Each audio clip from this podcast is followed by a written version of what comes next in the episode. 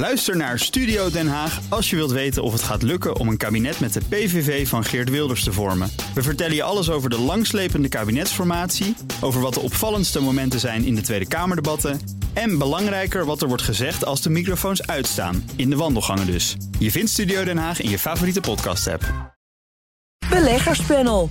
Zowel de Federal Reserve als de ECB komen deze week met een rentebesluit. En JP Morgan Chase redt de gevallen bank First Republic. Dat en meer bespreek ik in het beleggerspanel. En daarin zitten Karel Merks, beleggingsspecialist bij Beleggersbelangen... en Marco Groot van A Days Week, ook bekend van de nog altijd veel bezochte... neem ik aan website marcogroot.com.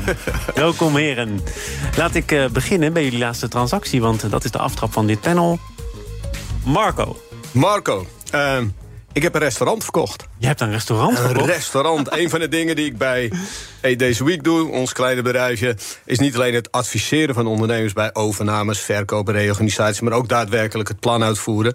En in dit geval gaat het om een van de beste Italiaanse restaurants in Amsterdam. en een van de eigenaren heeft een groot aandeelhouder uitgekocht. Dat was mijn transactie.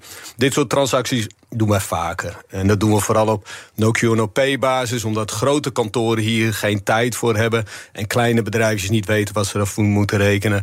En wij vinden dit soort transacties, als de bedrijven leuk zijn echt heel leuk. En wanneer is een bedrijf leuk? Als je daar ook lekker kunt eten? Of kijk je toch naar andere dingen? Nee, joh, om een idee, vorig jaar hebben we een failliet uh, bouwbedrijf uh, toch voor een positief bedrag kunnen verkopen.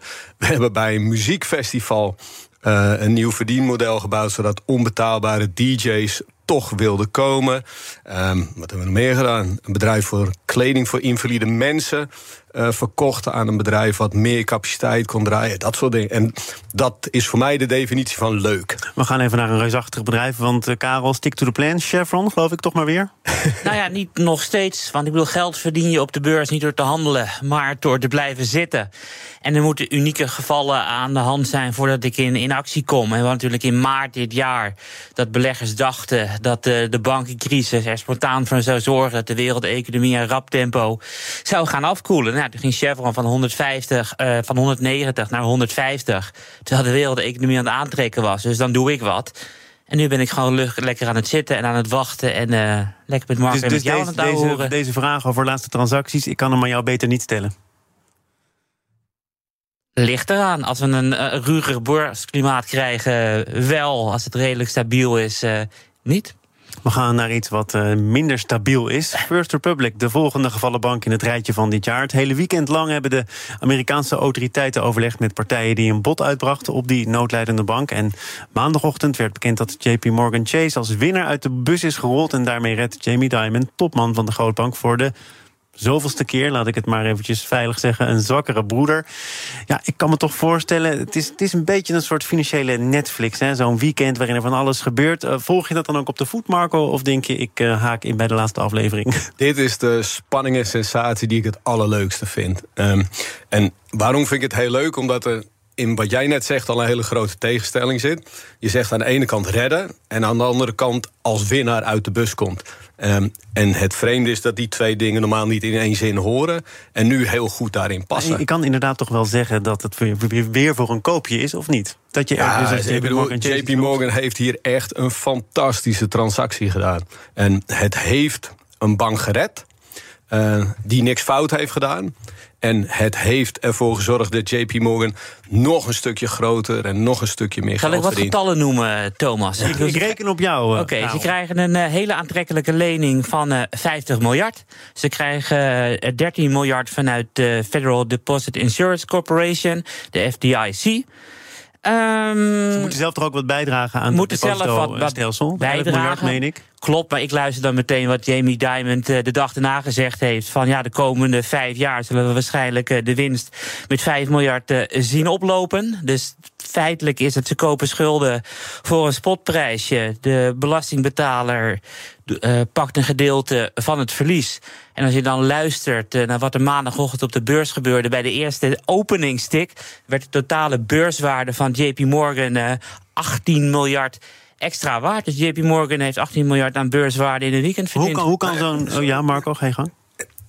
Klopt niet, want je zegt de belastingbetaler. Hè? Het komt uit het potje van de FDIC. En de FDIC-pot wordt gevuld door banken die daar een contributie aan betalen. Dus een deel ze hadden 30 miljard geleend van de FDIC. Daarvan was 5 miljard van JP Morgan. 25 miljard wordt teruggestort. En die 50 miljard is een lening, ook van de FDIC. Die zouden ze op den duur weer terug moeten betalen. En de enige echte uh, uh, hoe zeg je dat, garantie die erin zit, is dat ze een tacht, voor 80% garant staan voor de leningen die ze overnemen.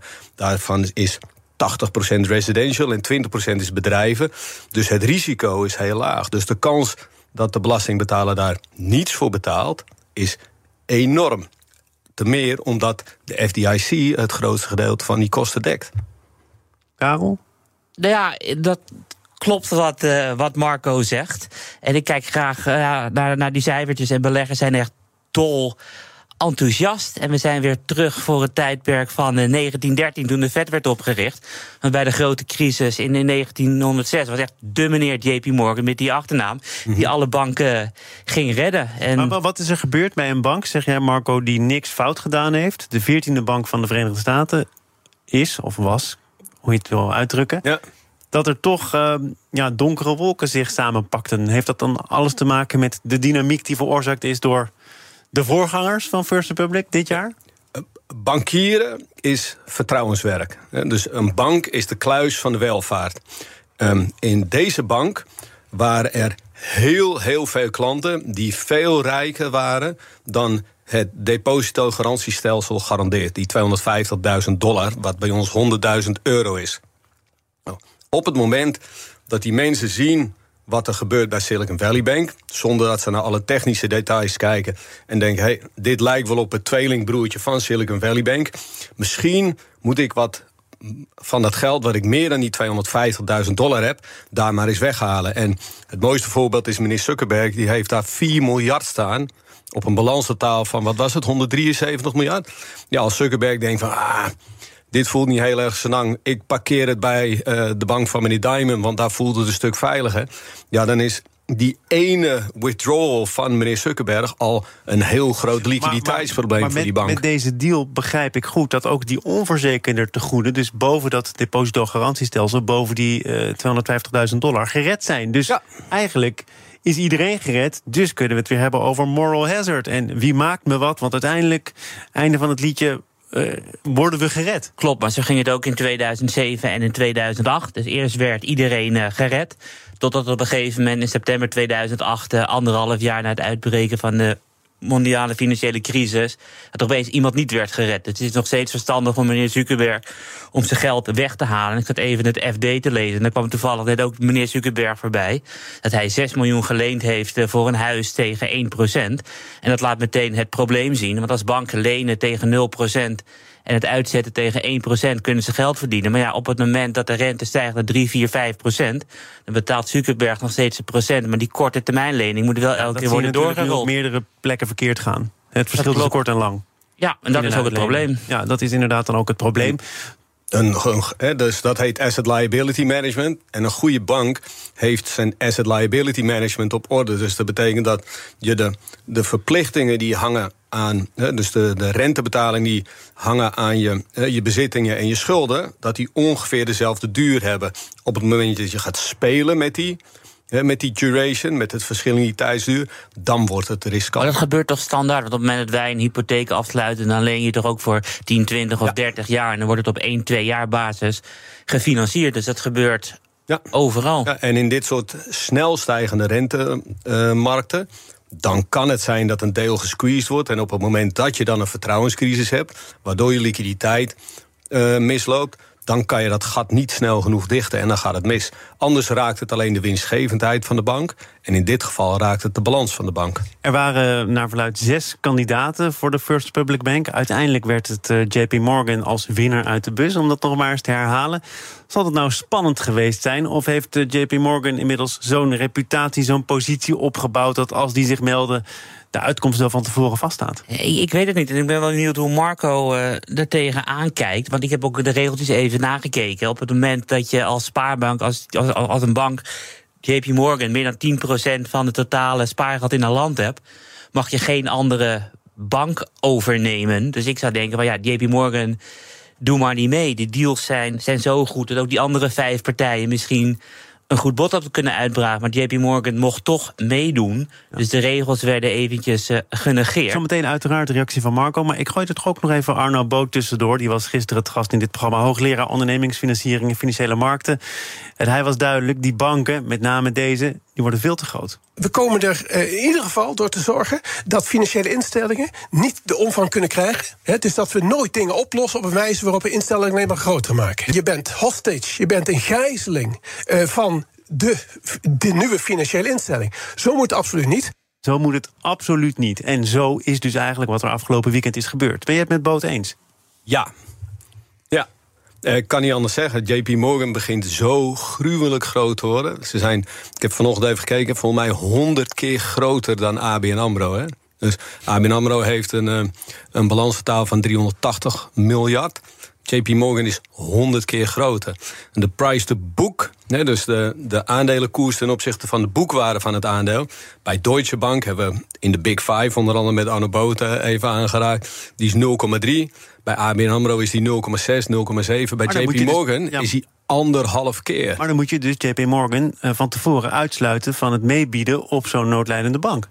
Uh, om marktconcentratie tegen te gaan, zeer zeker. Tegelijkertijd. En de regels. Ja, het is de regel en die regel is volgens mij overtreden nu. Uh, maar als de stress heel hoog is, dan zijn er soms momenten niet dat ik het rechtvaardig, hè, maar dat het de verklaring is dat die regels even uh, genegeerd ja, worden. De markt om de gaat om uh, 12 uur Nederlandse tijd open. Dus laat al die andere banken tot uh, 11 uur onderhandelen. En geeft daarna JP Morgan deze fantastische deal met 18%, 18 miljard aan beurswaarde erbij in een ja. tik. Maar mocht je de regels volgen, dan was dit nooit gebeurd. Nee, maar als je meer dan 10% van het spaargeld hebt van een land, van de Verenigde Staten, mag je geen andere bank overnemen. Maar dan moeten de aanbiedingen of de biedingen van die andere banken dermate in het niet zijn gevallen bij wat JP Morgan biedt.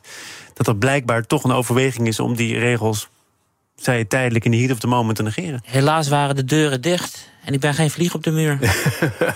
We gaan uh, naar uh, beslissingen die uh, transparanter worden genomen, althans naderhand worden toegelicht. BNR Nieuwsradio. Zaken doen. Thomas van Zeil. En dat zijn dan de besluiten van de centrale banken. Karel Merks en Marco Groot zijn de leden van het beleggerspanel. En die centrale banken, de Fed en de ECB, die komen woensdag en donderdag met rentebesluiten. Zou het nou nog uitmaken, de paniek die er toch ook weer is bij zo'n Amerikaanse bank die gered moet worden, dat de Fed denkt, nou weet je wat, we pauzeren nu alvast. Karel Merks begint heftig nee te schudden, dames en heren. Nee, zeker niet. Het mooie is dat alles uh, duidelijk is wat er gaat gebeuren. Want we hebben zogenaamde Fed Futures. Dus beleggers handelen in die futures om te kijken wat de rente gaat worden. Ik heb net even vlak voor de uitzending gekeken. We zitten nu op 98% kans op een kwartje. Dus iedereen verwacht een kwartje. Als het dan geen kwartje wordt, raakt iedereen in paniek. Ik bedoel, uh, doe je er twee kwartjes, dan denkt iedereen: oh my god, inflatie uh, rijst de pan uit. Doe je helemaal niks, dan denkt iedereen: de Amerikaanse economie is veel harder aan het afkoelen dan dat iedereen denkt. En breekt de paniek uit. En we hebben zoiets wat in het Amerikaans heet forward guidance. Dus elke week heb je meerdere toespraken van de Amerikaanse leden van de Fed om te vertellen hoe ze naar de toekomst kijken en wat ze gaan doen. Dus daar zal niemand van gaan schrikken. Het, dus het wordt, een kwartje. wordt een kwartje morgen. Marco, wordt een kwartje? Ja, ik, ik, had nog, uh, ik kijk met, uh, met open ogen naar Karel, want ik dacht dat het getal nog 80% was, maar het is inmiddels 98%. Ik zit te veel op mijn uh, mobiel, maar. Ja. en, en ik denk dat de Fed vooral de, ervan uitgaat dat ze nu de markt rustig moeten houden. Dus als 98% van de mensen dat verwacht, dan kan je daar beter aan, aan tegemoet komen. En dan hou je toch de ingewikkelde situatie, althans voor als je er niet eindeloos over nadenkt, dat het dus goed is dat er signalen zijn dat die economie aan het afkoelen is. Banen, lonen, uh, dat het hoogtepunt achter de rug is. Ja. Want afkoelen betekent dat de Fed het op de iets langere termijn rustig aan kan gaan doen. Er wordt zelfs gesproken door de meerderheid over een pauze hierna. Ja, en dat kan je eigenlijk ook voor de Europese markt zeggen. Want als je jaar op jaar gaat kijken, dan was de inflatie spike door de zomer heen en richting oktober het allerhoogst wereldwijd. Als nu de economie afkoelt en deze rentetarieven zich een beetje op deze manier doorwerken, dan kan het zomaar zijn dat die inflatiecijfers jaar op jaar heel erg gaan meevallen en dat afvlakken van die rentestijgingen. Maar die inflatie is toch nu, zeker als je kijkt naar het Europese cijfer, nog altijd rond de 7 procent. Ja. Dat komt niet in de buurt van die beoogde 2 procent. Wat was het oktober vorig jaar, weet je dat nog?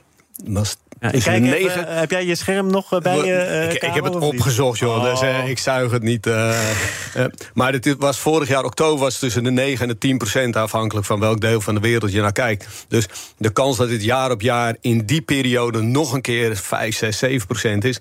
is redelijk aan het dalen. En dus accommodeert het, het een minder... Uh, scherpe rentestijging. Nou zei volgens mij het IMF vorige week nog dat de ECB er goed aan zou doen om tot medio volgend jaar door te gaan met renteverhogingen. Dus die voorzien nog wel een langere remweg, Karel. Ik geloof daar niet in. Want als je kijkt naar uh, hoe lang het euroblok bestaat. Dat zal het zijn 25 jaar, want in 98 zijn de financiële markten overgegaan. Dan waren er maar twee periodes waarin de ECB e zegt we gaan verhogen en de Fed zegt we gaan pauzeren. Het was in de zomer van 2008 toen in juli de ECB de rente verhoogde. En dan moesten ze heel snel op terugkomen en het pad van de vet gaan volgen. Tweede keer was of 2011 of 2012 met de eurocrisis. En toen moesten we ook binnen een paar maanden alweer terugkomen. En ik denk echt omdat we in een dollarwereld leven en nog steeds 85% van de wereld in dollars wordt afgerekend, de wereldhandel, dat de Fed de leidende centrale bank is. Dus als het werkelijk klopt dat de Fed gaat pauzeren en misschien wel gaat verlagen richting het einde van het jaar, wat ook al is ingeprijsd, dan volgt de ECB en dan. Aangezien dit het uh, beleggerspanel is, nog even de karakteristieken. Inflatie daalt rustig door, zou je kunnen stellen. Economie remt ook af. Wat betekent dat voor uh, de portefeuille? Hoe richt je die goed in op die omstandigheden, Marco? Ja, ik vind het heel interessant dat iedereen die ik spreek... Um, en ik heb gisteren bijvoorbeeld een projectontwikkelaar gesproken... Uh, met die andere klusjes spreek ik heel veel ondernemers. Iedereen verwacht een slowdown. Dus iedereen is negatief en verwacht op een deuk in de markt. Interessant is dat um, door het verkopen van First Republic aan JP Morgan... De, eh, de, de Amerikaanse overheid eigenlijk een soort poet onder de markt heeft uh, weggegeven. Die zegt, joh, als misgaat, dan vangen wij de ellende wel op. Dus de downside, voor mijn gevoel, in die, eh, op die manier... kan best wel eens heel erg beperkt zijn. Dan zit het grootste risico van de markt, dus voor beleggers nog... in de uh, estimates van analisten. Dus als die hard naar beneden komen, dan kan je nog wat downside zien. Maar als die redelijk oké zijn, dan kan die downside wel eens heel beperkt zijn. Marco, ik ben heel nieuwsgierig hoe je tegen het volgende aankijkt. Gewoon als je kijkt naar de, de geldhoeveelheid, die onder andere wordt bepaald door, door banken, door het mhm. wel of niet uitlenen van geld. Die is voor het eerst sinds uh, de jaren 30 daalt die. Dus de, de M2 is echt uh, negatief. Dus de mhm. vraag is van. Uh, ondernemers hebben misschien plannen, maar kunnen ze wel uh, geld lenen bij banken? Ik denk dat Amerikaanse banken niet bereid zijn om net zoveel geld uit te lenen als eerst. Want als je kijkt naar een jaar geleden, was er 18 biljoen aan spaargeld. Nu is er uh, 17 biljoen aan spaargeld. Dus 1000 miljard is weggehaald als spaargeld. Dus banken zijn dus minder sterk, minder happig om geld uit te lenen. Waar we het net over hadden, banken lenen kort en dat let het ook weer lang uit. We hebben een inverse yield curve. Dus banken zullen steeds minder bereid zijn om geld We gaan naar je vraag, Karel. Ja, dat is een hele lange inleiding. voor de... Dus mijn vraag is, op het moment dat banken alleen maar gaan afremmen... en minder geld gaan uitlenen... dan mogen ondernemers misschien wel plannen hebben... maar als ze geen geld krijgen, is er een probleem. Ja, ik heb... Um, even denken hoor, zonder dat ik heel, helemaal op je inleiding inga. Um, die rem zit er al op. Dus de banken zijn al heel erg voorzichtig. Je ziet het in de onroerend goedmarkt. Hè? Dus in Nederland zijn de, de kosten voor commerciële onroerend goed om daarop te lenen 200, 300 basispunten gestegen. En de LTV's, dus hoeveel je mag lenen ten opzichte van de waarde, al 10% gedaald. Dat even gebruikend als metafoor voor het hele uh, bedrijfsleven in Nederland... betekent dat banken al op die rem staan. Tegelijkertijd klotste bij private equity fondsen nog steeds het geld over de klip heen. En Um, zijn, zijn we nog steeds bereid om uit eten te gaan en, en andere uitgaven te doen. Dus die geldhoeveelheid die daalt een beetje. Maar niet op een dramatische manier. Nee, maar het is iets wat heel langzaam gaat. We zijn- Bereidheid we is zijn nog nu steeds In een heel jaar groot. tijd zijn we in de Verenigde Staten 1000 miljard aan spaargeld kwijt. De Ja. gemiddelde rente is 38 basispunten. Bij de overheid krijg je 5. Dus je Mhm. bent die van de portemonnee als je niet wat geld verhuist naar market money funds. Dus ik denk dat gewoon het bloeden langzaam maar beetje, maar beetje, maar beetje blijft We door gaan, zal we gaan naar iemand die daarvoor waarschuwde, namelijk Charlie Munger, de zakenpartner van Warren Buffett. Gaat zo'n eh, eeuw mee nu ongeveer, dus die weet wel waar die het over held, heeft. hè? Ja. Heeft eh, de Financial Times gebruikt om toch maar eens te waarschuwen voor wat er mis kan gaan in het commerciële vastgoed. Het volgende grote probleem. We moeten het helaas voor Charlie wat eh, korter bespreken, maar dat is al een deel van zijn waarde kwijt ten opzichte van de piek van vorig jaar. Er ligt nog een forse daling in het verschiet. Tegelijkertijd eh, ja, doet dat dus iets met die boek- boekwaarde en het onderpand. Hoe groot wordt deze problematiek, Marco? Ja, de, de vacancies in Amerika zijn hè, op, op recordniveaus.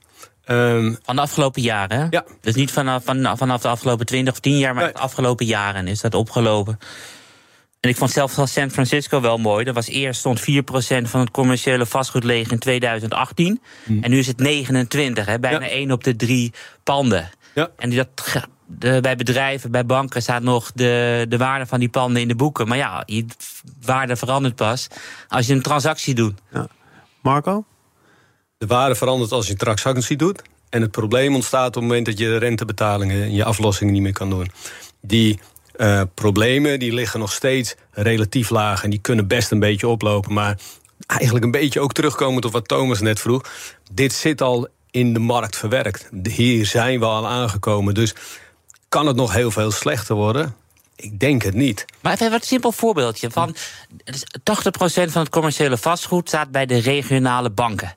Aan de ene kant van de balans staat spaargeld. En elke week loopt daar spaargeld weg. Dan worden de problemen toch langzaam een beetje erger. Omdat een bank, als het kapitaal wegtrekt, wordt je eigen vermogen wordt minder.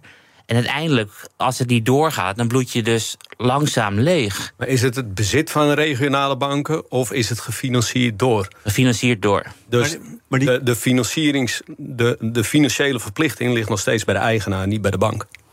Maar die kantoren zijn toch eh, ook het onderpand voor heel veel leningen. Waardoor banken uiteindelijk in de problemen zouden kunnen komen. Of die leningen krijgen in het predicaat slechte leningen. Ja, absoluut. Dat kan zeer zeker gebeuren. Ja. Nou ja, daar kunnen we dan nu lichtzinnig over praten. Maar eh, slechte leningen, dat is toch wel een serieus te nemen probleem. Dat kan ook een serieus probleem worden op het moment dat het langer doorloopt. Dus de komende 1, 2 jaar zijn heel cruciaal daarin. Dus terugkomend op wat je net zei, zit het al in de markt. Hè, dus kunnen we nog een deuk verwachten. Die deuk kan op basis van wat ik nu zie, maar dat is altijd een aanname. Hè, niet heel groot zijn, omdat heel veel negativiteit daar al in zit. Ik ga ervan uit dat mensen die dit onroerend goed bezitten... ook weten dat dit eraan komt en aan het herfinancieren zijn. Op het moment dat het hun niet meer lukt... dan komt het op het balans van de bank. En als die bank dan niet genoeg eigen vermogen heeft... dan krijgen we misschien weer JP Morgan... die, Ja, maar, maar dit is die voor een dubbeltje op de eerste rang zit. eh, gras aan het groeien is of verf aan het eh, drogen. Hm. Dus het gaat echt heel erg langzaam. En de vraag is van. ehm, nee, het laatste punt wat ik wil maken is: vergeet niet dat op het moment dat je de rente verhoogt, dat het gemiddeld 1 à 2 jaar duurt voordat die volledige renteverhoging in de economie verwerkt is. Dus we krijgen de komende maanden krijgen we nog afremming te krijgen door al die renteverhogingen van vorig jaar. Karel Merk, Beleggersbelangen. Dank voor je komst. Marco Groot van Days a Week. Fijn dat jullie in het beleggerspanel zaten. Beleggerspanel wordt mede mogelijk gemaakt door Annexum. Al meer dan 20 jaar de aanbieder van vastgoedfondsen. Dit panel is ook te beluisteren als podcast. Abonneer je vooral even via je favoriete kanaal of de BNR-app. Zometeen praat ik verder met mijn zakenpartner... en gaan we het hebben over het flexibiliseren van je facturatie. Blijf luisteren.